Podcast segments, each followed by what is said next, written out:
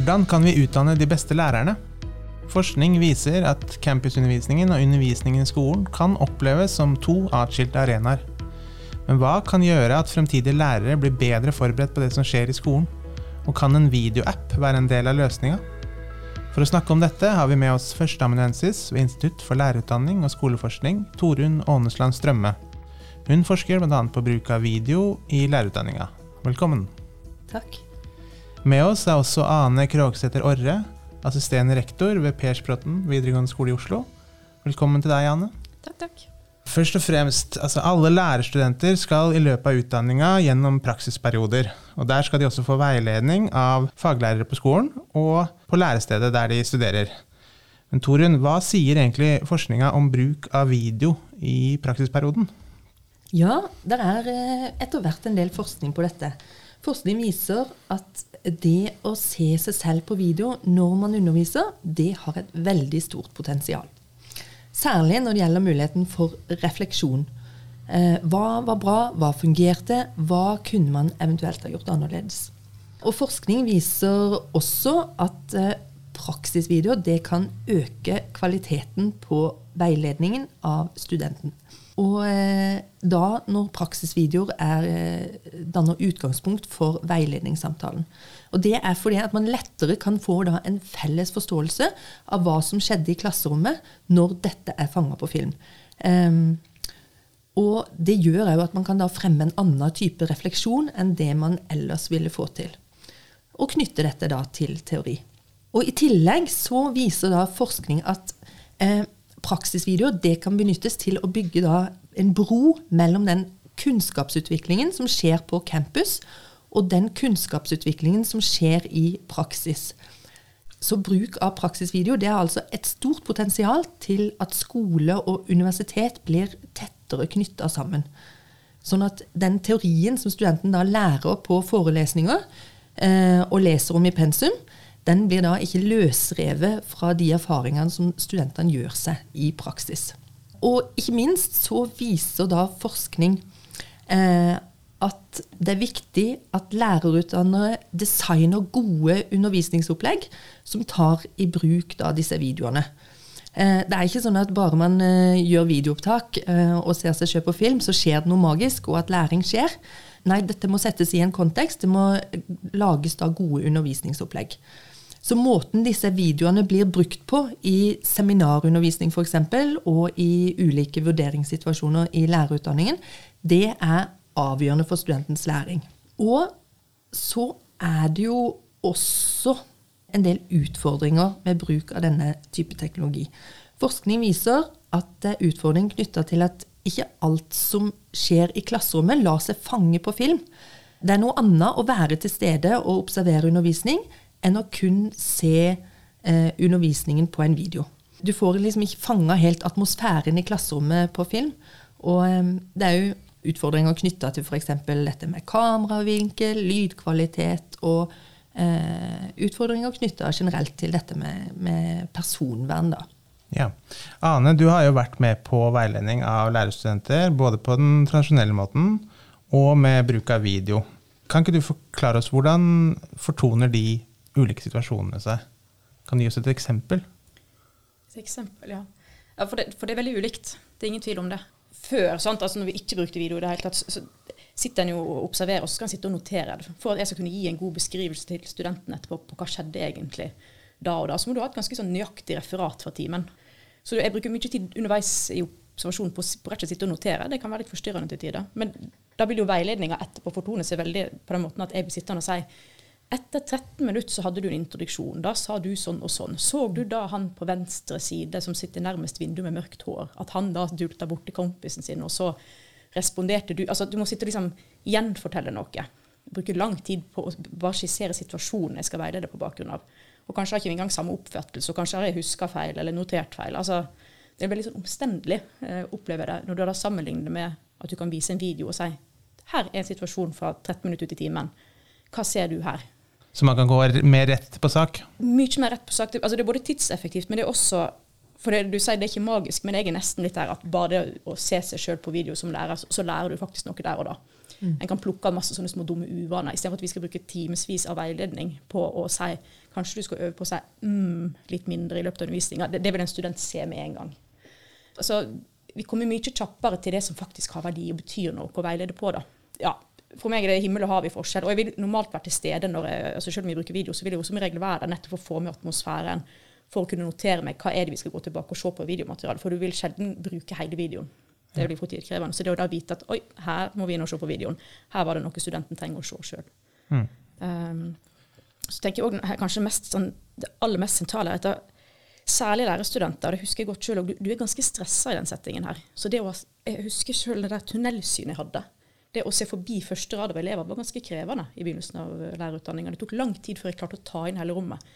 Så det å kunne få se på en video hvordan elevene har reagert på den undervisninga som foregått etterpå, er ekstremt verdifullt. Du får det som jeg er så opphengt i, veldig mye mer elevsentrert veiledning og dermed utdanning, fordi vi kan snakke om det elevene gjør, og ikke bare det hva studenten gjør. For det syns vi mye veiledning er prega litt for masse av at vi snakker om så gjorde jeg sånn, og så tenkte jeg sånn, og så sa jeg sånn. og så Vi burde mye mer snakke om ser vi hva elevene gjør i den timen. der. Kirsti Klette var vel med på en podkast nylig hos dere.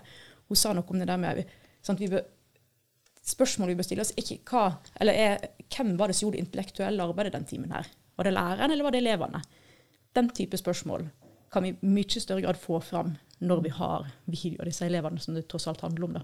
Eller barna, hvis det er en barnehage. Mm. Torunn, hvordan passer dette med, som det ser ut fra forskernes side, er formålet med bruk av video? Ja, dette stemmer absolutt overens med det forskningen viser. Og eh, det overordna målet eh, med bruk av videoer i lærerutdanninga, det er jo nettopp å styrke kvaliteten da, på lærerutdanningen. Så vi ønsker jo å lage den beste lærerutdanningen vi kan for våre lærerstudenter, fordi vi ønsker at de elevene som går på skolen, skal møte ordentlig dyktige og profesjonelle lærere. Og da er det litt av grunnen til at vi ønsker da å bruke eh, videoer som et utgangspunkt for refleksjon. da. Ja, fordi En fersk rapport eh, fra Universitetet i Stavanger som handler nettopp om, blant annet om praksisopplæring på lærerutdanninger, så kan vi lese at vi egentlig ikke vet hva lærerstudenter lærer av og i praksis. Men kan vi si at lærerstudenters læring eh, blir endret ved bruk av video? Ja, godt spørsmål.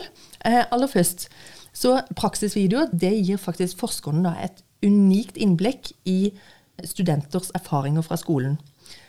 Jeg har lyst til å sitere en av eh, våre studenter som sa i et intervju om bruk av, av praksisvideoer. Altså, du kan ta universitetet til skolen, men det er veldig vanskelig å ta skolen tilbake til universitetet. Det har gått veldig én vei, men her følte jeg at det var mye mer balanse. At praksisen kanskje ble tatt litt mer på alvor, kanskje. At det ikke bare var noe 'gå og gjør det'. Det her var 'jo, nå har dere gjort det, la oss snakke om det'. Det føltes at det ble satt pris på at vi prøver å gjøre ting i praksis.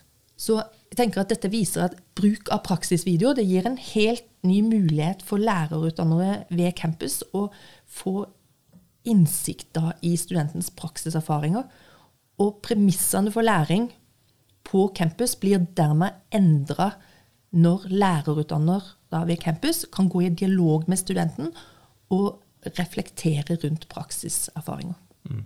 Ja, du Anne, du er, jobber jo som assisterende rektor. Hvordan ser dette ut fra, fra din side på, på, skolen? I hva grad vi endrer måten de lærer på, ja. Um, I mitt hode er det en veldig stor forskjell her ute. Ja. På flere måter. Det ene er at jeg tenker at igjen, uh, hvis Det bruker jeg å si til mine studenter, i hvert fall, og egentlig nyutdannede, at noe av det viktigste vi får til i starten i en praksisperiode, eller når du kommer som nyutdannet til oss, er at vi må få vridd perspektivet. Sant? Du må øve deg opp i å hele tida når du går ut av et klasserom, og når du er i klasserommet, hva, hva gjør elevene nå? hvordan reflekterer elevene nå? Jeg husker sjøl som nyutdannet, jeg holdt på å slutte helt, for jeg følte meg så elendig som lærer. Jeg gikk alt ut og sa tenkte hm, Fikk jeg gjennomført planen min i dag? Fikk jeg gjort det jeg hadde tenkt? Klarte jeg å framføre sånn og sånn? Og da først når jeg liksom fikk vridd perspektivet til hva fikk elevene gjort i dag? Hva tenkte de i dag? Hva fikk jeg utfordra deres refleksjoner på i dag? At jeg følte at jeg på en måte var på sporet og kunne begynne med egen utvikling. da. Så jeg tenker, Hvis vi i lærerutdanninga klarer å bruke video aktivt ganske tidlig i utdanninga, sånn at vi veldig raskt får vridd perspektivet til studentene, så vil jo utbyttet av resten av lærerutdanninga og alt som kommer etterpå, øke betraktelig, vil jeg tro, fordi vi får til det perspektivet skiftet fra om ikke første dag, så i hvert fall mye tidligere enn det jeg ser i dag, som er ofte at vi må gjøre det perspektivskiftet når de kommer ferdig utdannet til oss. Det er for seint. Da er det mye verdifull læring å gå glipp av underveis. Og så tenker jeg litt sånn, Det er et mer egoistisk perspektiv, men som veileder òg, så gjør det jobben så mye lettere. fordi ved hjelp av de videoene så kan studentene kan få sett ting sjøl.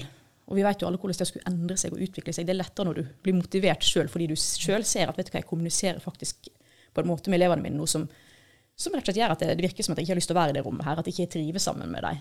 Det er klart, det er lettere at de ser sjøl, enn at jeg skal forklare dem. Så det, det er ganske sårbare ting vi skal veilede på. Og det at en kan få lov å eie veiledninga, eie erfaringene litt mer sjøl som student. Det er ikke jeg som kommer og forteller deg hvordan timen din var, du kan få se det sjøl. Eh, må jo nødvendigvis Trenger ikke forske på det, håper jeg, for å tenke at det bør bidra til litt mer læring. Ja, Nå har vi hørt mange gode ord om eh, bruk av video på lærerutdanninga, men eh, hvilke utfordringer eh, er det? Torunn? Ja, det vi ser eh, når eh, vi nå har eh, vært gjennom og testa utbruk av praksisvideoer i lærerutdanninga i noen omganger nå, så ser vi at det er noen studenter som synes at det er, som ikke ønsker å bli filma. De syns det er skummelt å bli filma og er redd for å se seg selv på, på film. Og kanskje helst vise da, denne filmen til medstudenter og til praksisveileder og kanskje hos lærerutdannere ved campus. Um, så det er, eh, kan man si at kanskje er en utfordring. Samtidig så er det så det, er, det er nok noe vi må ta hensyn til. Men vi ser samtidig at den verdien det gir å se seg selv på video, som Arne òg sier, den er så stor eh, at dette er noe vi ønsker å legge til rette for og tilby alle våre studenter på sikt. Er du enig i det, Ane? Ja, absolutt. Um, jeg ser jo noen utfordringer til liksom, fra et skolelederperspektiv. Da, at uh, vi har elever vi skal ta, ivareta, at de har det trygt og godt. at klart Video kan virke forstyrrende, men det er egentlig ikke det vi opplever som mest utfordrende. Det var mer det jeg opplevde sjøl, at studenter kvir seg veldig. Uh, nok enkelte gjør det. Og da tenker jeg litt sånn Det forstår jeg. Uh, jeg tror det blir veldig annerledes. Det, generasjonen som kommer etter oss, er veldig vant til å se seg på film, så jeg tror det her problemet vil dø ut litt av seg sjøl. Og vi skal selvfølgelig legge til rette for at det oppleves trygt. men jeg tenker at i løpet av en lærerutdanning så må vi komme dit med studentene våre at ikke de bare syns det er greit, men at de faktisk vil det fordi det er så effektivt for sin egen utvikling.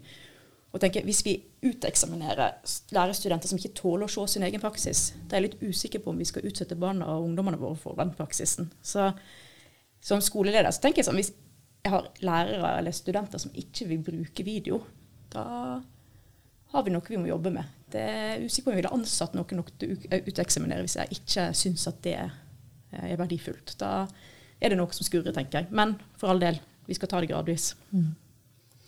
Og det Arne sier òg, er fra et uh, skolelederperspektiv, at det er noen utfordringer der òg, knytta til filming av elever f.eks. Dette er jo samtykkebasert, sånn at elever må jo samtykke til å ville bli filma. Og det, det, er jo ikke alle elever som Eller foresatte, da. Hvis, for, hvis elevene er under 15, 15, år, så må foresatte samtykke. Det er ikke alle som, eh, som ønsker å bli filma av ulike grunner. Og da må våre lærerstudenter ta hensyn til det. Plassere de utenfor kameravinkel. Og alt dette har vi eh, utvikla prosedyrer og retningslinjer i samarbeid med juristene ved UiO, UiOs personvernombud og IT-sikkerhetssjef. Mm. Ja, nettopp, for da er du litt inne på det at eh, det jobbes med eh, innovasjon på dette feltet her. Eh, både ved Institutt for lærerutdanning og skoleforskning, der du jobber, Torunn. Kan du si litt om hvordan er det dere jobber med, med innovasjon, og kanskje særlig dette med å utvikle ulike læringsdesigner? ILS har over lang tid arbeida systematisk med innovasjon i lærerutdanningen. Og dette starta allerede i eller allerede i 2014 da, så hadde Proted, som er Senter for fremragende lærerutdanning ved ILS, et prosjekt eh, der det ble benytta iPader til filming i klasserommet. Og dette er da forløperen til det prosjektet som vi har nå, som eh, vi i 2020 fikk eh, innvilga 5 millioner fra Diku Direktorat for internasjonalisering og kvalitetsutvikling i høyere utdanning. Så det prosjektet vi fikk innvilga midler til, det, er, det heter DIVA-prosjektet. Og i dette prosjektet som vi utvikler da disse ulike læringsdesignene da, som tar i bruk sånne praksisvideoer. Kan du gi et eksempel? Hvordan er det, hvordan er det, det brukes? Ja, Det brukes bl.a. i eh, gruppeundervisning. Hvor eh, da man har en gruppe med lærerstudenter eh, og en eh, pedagog og en praksisveileder som sitter da og får, ser på studentens praksisvideoer og går gjennom da hva var det som studenten gjorde bra, hva var det som kunne vært bedre, og ikke minst at de hjelper hverandre til å knytte teori til det som, som skjedde, eller de praksiserfaringene som studenten har. Og så brukes det inn i ulike vurderingssituasjoner. Eh, for eh, eksempel at det er en praksisveileder og en lærer eller en pedagog eller en fagdidaktiker så, som sammen med studenten sitter og ser på da eh, studentens, eller én students praksisvideo, og bruker den i formativ vurdering, f.eks. Det har vi òg et eh, læringsdesign som ser på. Da må du forklare for lytterne våre hva er formativ vurdering? Formativ vurdering det kan enkelt forklares med underveisvurdering. Den vurderingen som gis løpende underveis i utdanningen til eh, studenten. Ikke eksamen, altså? Mm, ikke eksamen. Nei. Men dette brukes òg inn i summativ vurdering, som er da sluttvurdering på slutten, eh, kan man si, i, det vi kaller for digitalt praks, eller praksispåhør. Da. Og da, Det er et annet eksempel. Der øh, gjør man et, helt, et videoopptak av en hel time. Og så er det dette videoopptaket blir sendt inn da til ILS, og så har man en fagdidaktiker som går gjennom og gjør en vurdering av dette. Og i etterkant har man da en samtale med studenten med praksisveileder i skolen, og sammen med denne fagdidaktikeren, som da eh, har en samtale om den eh, timen som ble, eh, gjort, det ble gjort videoopptak på, og kan reflektere rundt den og gjøre en da vurdering av den. Mm. Jeg skjønner.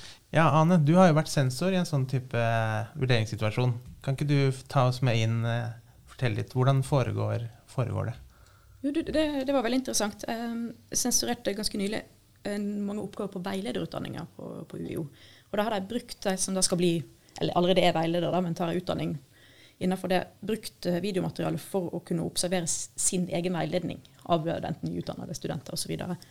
Og det var, det var, veldig artig, for jeg har sensurert uh, oppgaver for veilederutdanninga for, for, flere år. Uh, og jeg syns jeg så et veldig sånn tydelig skifte i år av at det var en litt sånn større de kom lenger synes jeg, i oppgavene sine nå enn jeg har opplevd tidligere. Og Det tror jeg handler om at det ble, sant, de har fått sett sin egen praksis. Der veldig mange brukte ordet 'overraska'. Det er helt tydelig at de har sett ting som de ikke på forhånd var forberedt på at de skulle se når de har drevet med det oppgavearbeidet. Veldig ofte opplever jeg som sensor at oppgaven er på en måte ferdig designa på forhånd. De har egentlig ikke lært så mye underveis. Det er en sånn øvelse i akademisk skriving eh, der en lager problemstilling etter alt er ferdig. Mens jeg opplevde virkelig at det var et utviklingsarbeid der studentene har lært noe om seg sjøl og sin egen praksis underveis. Eh, så det var veldig, var veldig, kjekt å se. Jeg syns det var et sånn reelt kvalitetsløft bare på, på, et år. Da. Det er interessant. Hvis vi går litt tilbake til eh, denne innovasjonsarbeidet som, som, dere driver med, Torunn. Eh, du har vært litt inne på det, men dere, jeg vet at dere har utvikla en app, Viva-appen. Ja. Visual Vocal Application står det for. Kan ikke du forklare for lytterne våre det, hva, hva skal den brukes til, og hvordan ser den appen ut? Ja, Grunnen til at vi har utvikla denne appen, er jo fordi at studenter kan ikke bruke eh, bare egen mobiltelefon, vanlig opptak på egen mobiltelefon, til å filme i klasserommet. Det setter eh, personvernlovgivningen begrensninger for. Eh, så det eh, er grunnen til at studentene kan, må, må, rett og slett eh, laste ned en app på mobilen sin. Så da logger de seg inn med Feide. Så legger de inn skole og klasse. Og den appen den er kobla opp mot en digital samtykkeportal, sånn at navnet på alle elevene som har samtykka i eh, klasserommet, eh, de kommer da opp i en liste i appen. Og På den måten så kan da studenten holde styr på hvilke elever som har samtykka, og hvilke elever som ikke skal filmes. Og videoopptaket det ligger da kryptert i den appen. Eh, det er redigeringsmuligheter i appen, sånn at dersom det skulle komme inn en eh, elev som ikke har samtykka, så kan denne redigeres bort umiddelbart før det sendes til lagring. Eh, eller dersom det skulle være noen opplysninger som blir sagt, som kalles for særlige kategorier av personopplysninger. Det altså sånne sensitive opplysninger, så kan disse redigeres bort. Det må du som et eksempel på hva, altså hva slags type opplysninger er det snakk om? F.eks. helseopplysninger.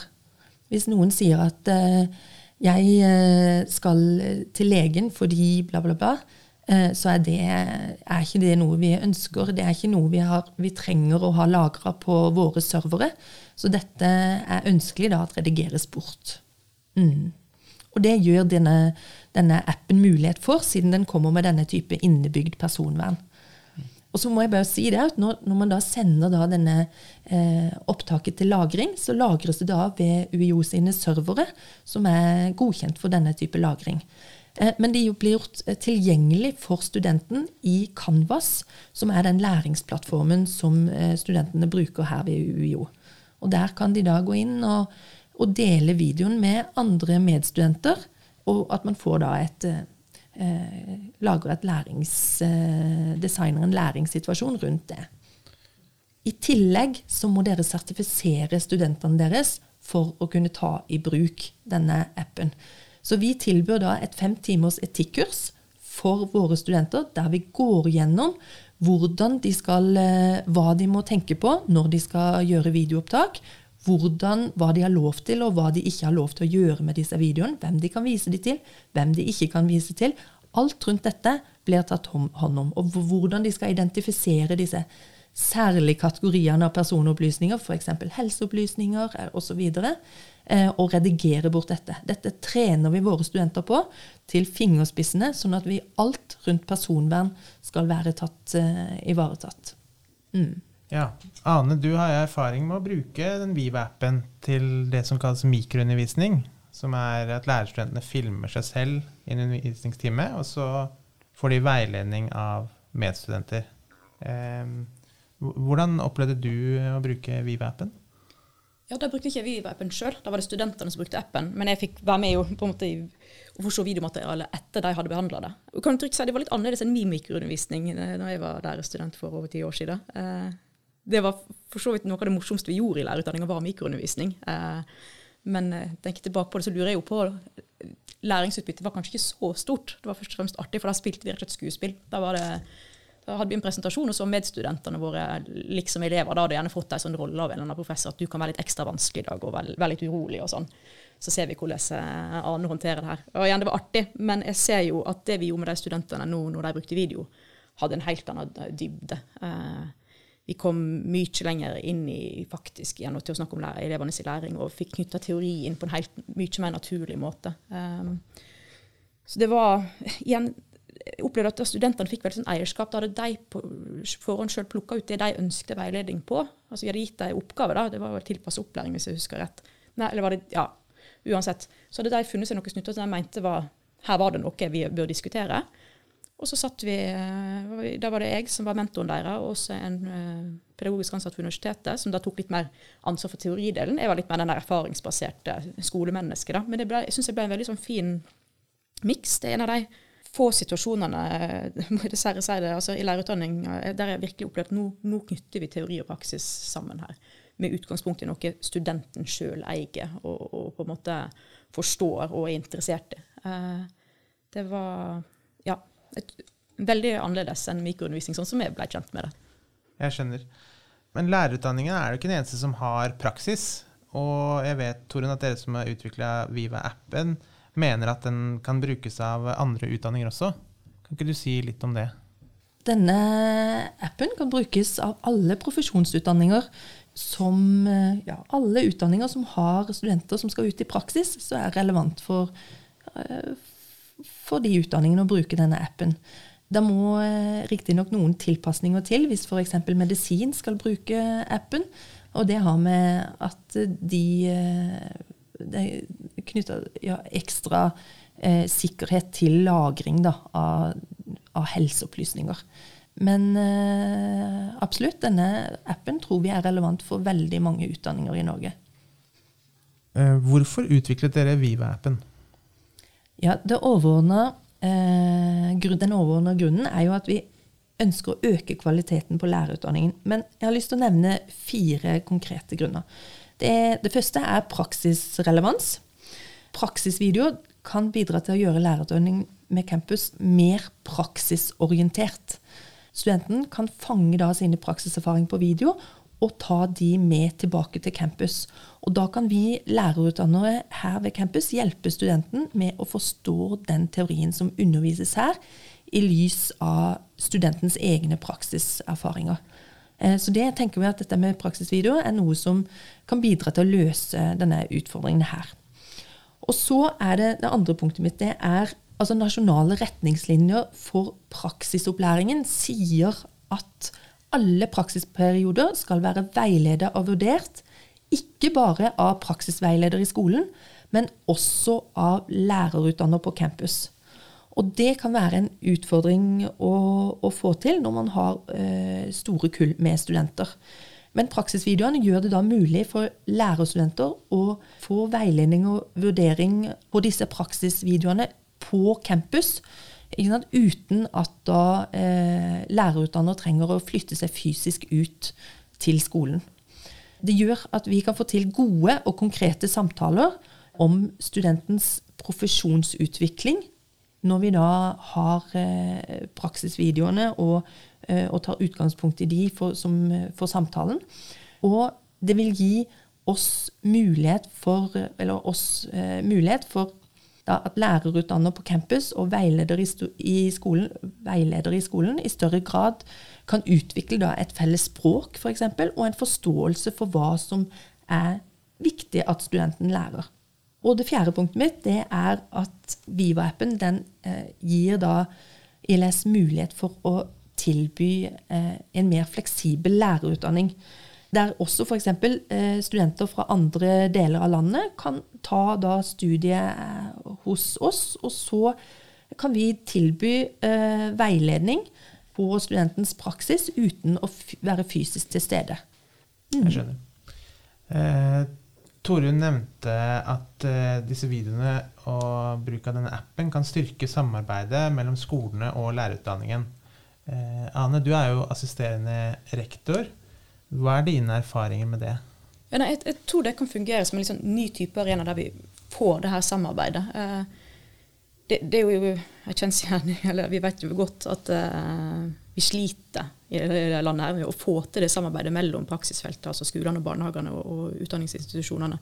Det er et viktig grep i strategien for, altså nasjonale strategien for lærerutdanningene. Lærerutdanning 2025 legger mye vekt på at vi må styrke det samarbeidet her. og da tror jeg vi må se oss etter flere arenaer. For det her å tro at vi skal fly frem og tilbake mellom campus og skoler og barnehager, det, det virker ikke som er realistisk. Og det å da ha denne arenaen, som kanskje i større grad også kan fungere digitalt, eh, vil jeg jo tro kan styrke, altså at øke mengden av eh, møteplasser og dialoger mellom oss og, og campus. da, Og kanskje da på sikt kan vi klare å bli litt mer likeverdige, likestilte parter som tar litt mer ansvar. Vi er litt bakpå ofte og gjør det vi får beskjed om. Vi, vi tar ikke helt det eierskapet som jeg tror vi i skolene og barnehagene burde ta, da, for det her er jo våre framtidige ansatte. Der ligger det en klar eh, oppfordring og ønske. Vi har nå snakket om ulike aspekter ved det å bruke video på lærerutdanninga. Men hvis dere nå skal selge inn da, til lærer, lytterne våre, eh, hvorfor skal vi bruke video på lærerutdanninga? Hva tenker du, Torunn? Jeg tenker det ligger et enormt potensial for lærerstudenter å se seg sjøl på film, og bruke da denne filmen til å reflektere sammen med praksisveileder og sammen med oss lærerutdannere her ved campus. Um, og på den måten da uh, gjøre at lærerstudenten kan bli rett og slett bedre lærere av å, å, å se seg selv for film. Eh, og jeg tenker òg spesielt den muligheten som praksisvidere gir til å hjelpe da studenten til å koble teori og praksis. Det tenker jeg er det viktigste. Ja, Nå er ikke jeg noen stor selger, men hvis jeg skal prøve meg, så tror jeg jeg ville sagt at ved hjelp av video så kan vi gjøre lærerutdanningene mer elevsentrerte. Jeg har ofte mm. kritisert lærerutdanningene for å være for studentsentrerte. At ikke vi kommer helt i kjernen på det som tross alt er um, grunnen til at vi eksisterer. Så som jeg argumenterte for tidligere, det her at vi, studentene får sett hva elevene faktisk gjør i klasserommet, vi kan reflektere rundt det sammen. Det og, tror jeg er det største bidraget òg. Da har jeg lyst til å pushe på slutten, da må det komme tidlig i utdanningene. sånn at der er med studentene gjennom hele utdanningen. Ikke der er noe vi er til slutt fordi det er utfordrende, men vi må tørre å introdusere videoen tidlig, tidlig. Sånn at vi får det eh, perspektivet skiftet da, for studentene. At de begynner å se ting fra elevene eller barnehagebarna sitt perspektiv. Tusen takk dere begge for denne samtalen om hvordan lærerutdanningen kan bli mer relevant for det som skjer i skolen. Du har hørt en episode av Det utdanningsvitenskapelige fakultets podkast Læring. Eh, research var ved Magnus Heie. Produsent var Shane Colvin. Læring finner du på nettsida og på Facebook-sida vår, og der du ellers lytter til podkast. Mitt navn er Magnus Heie. Takk for følget.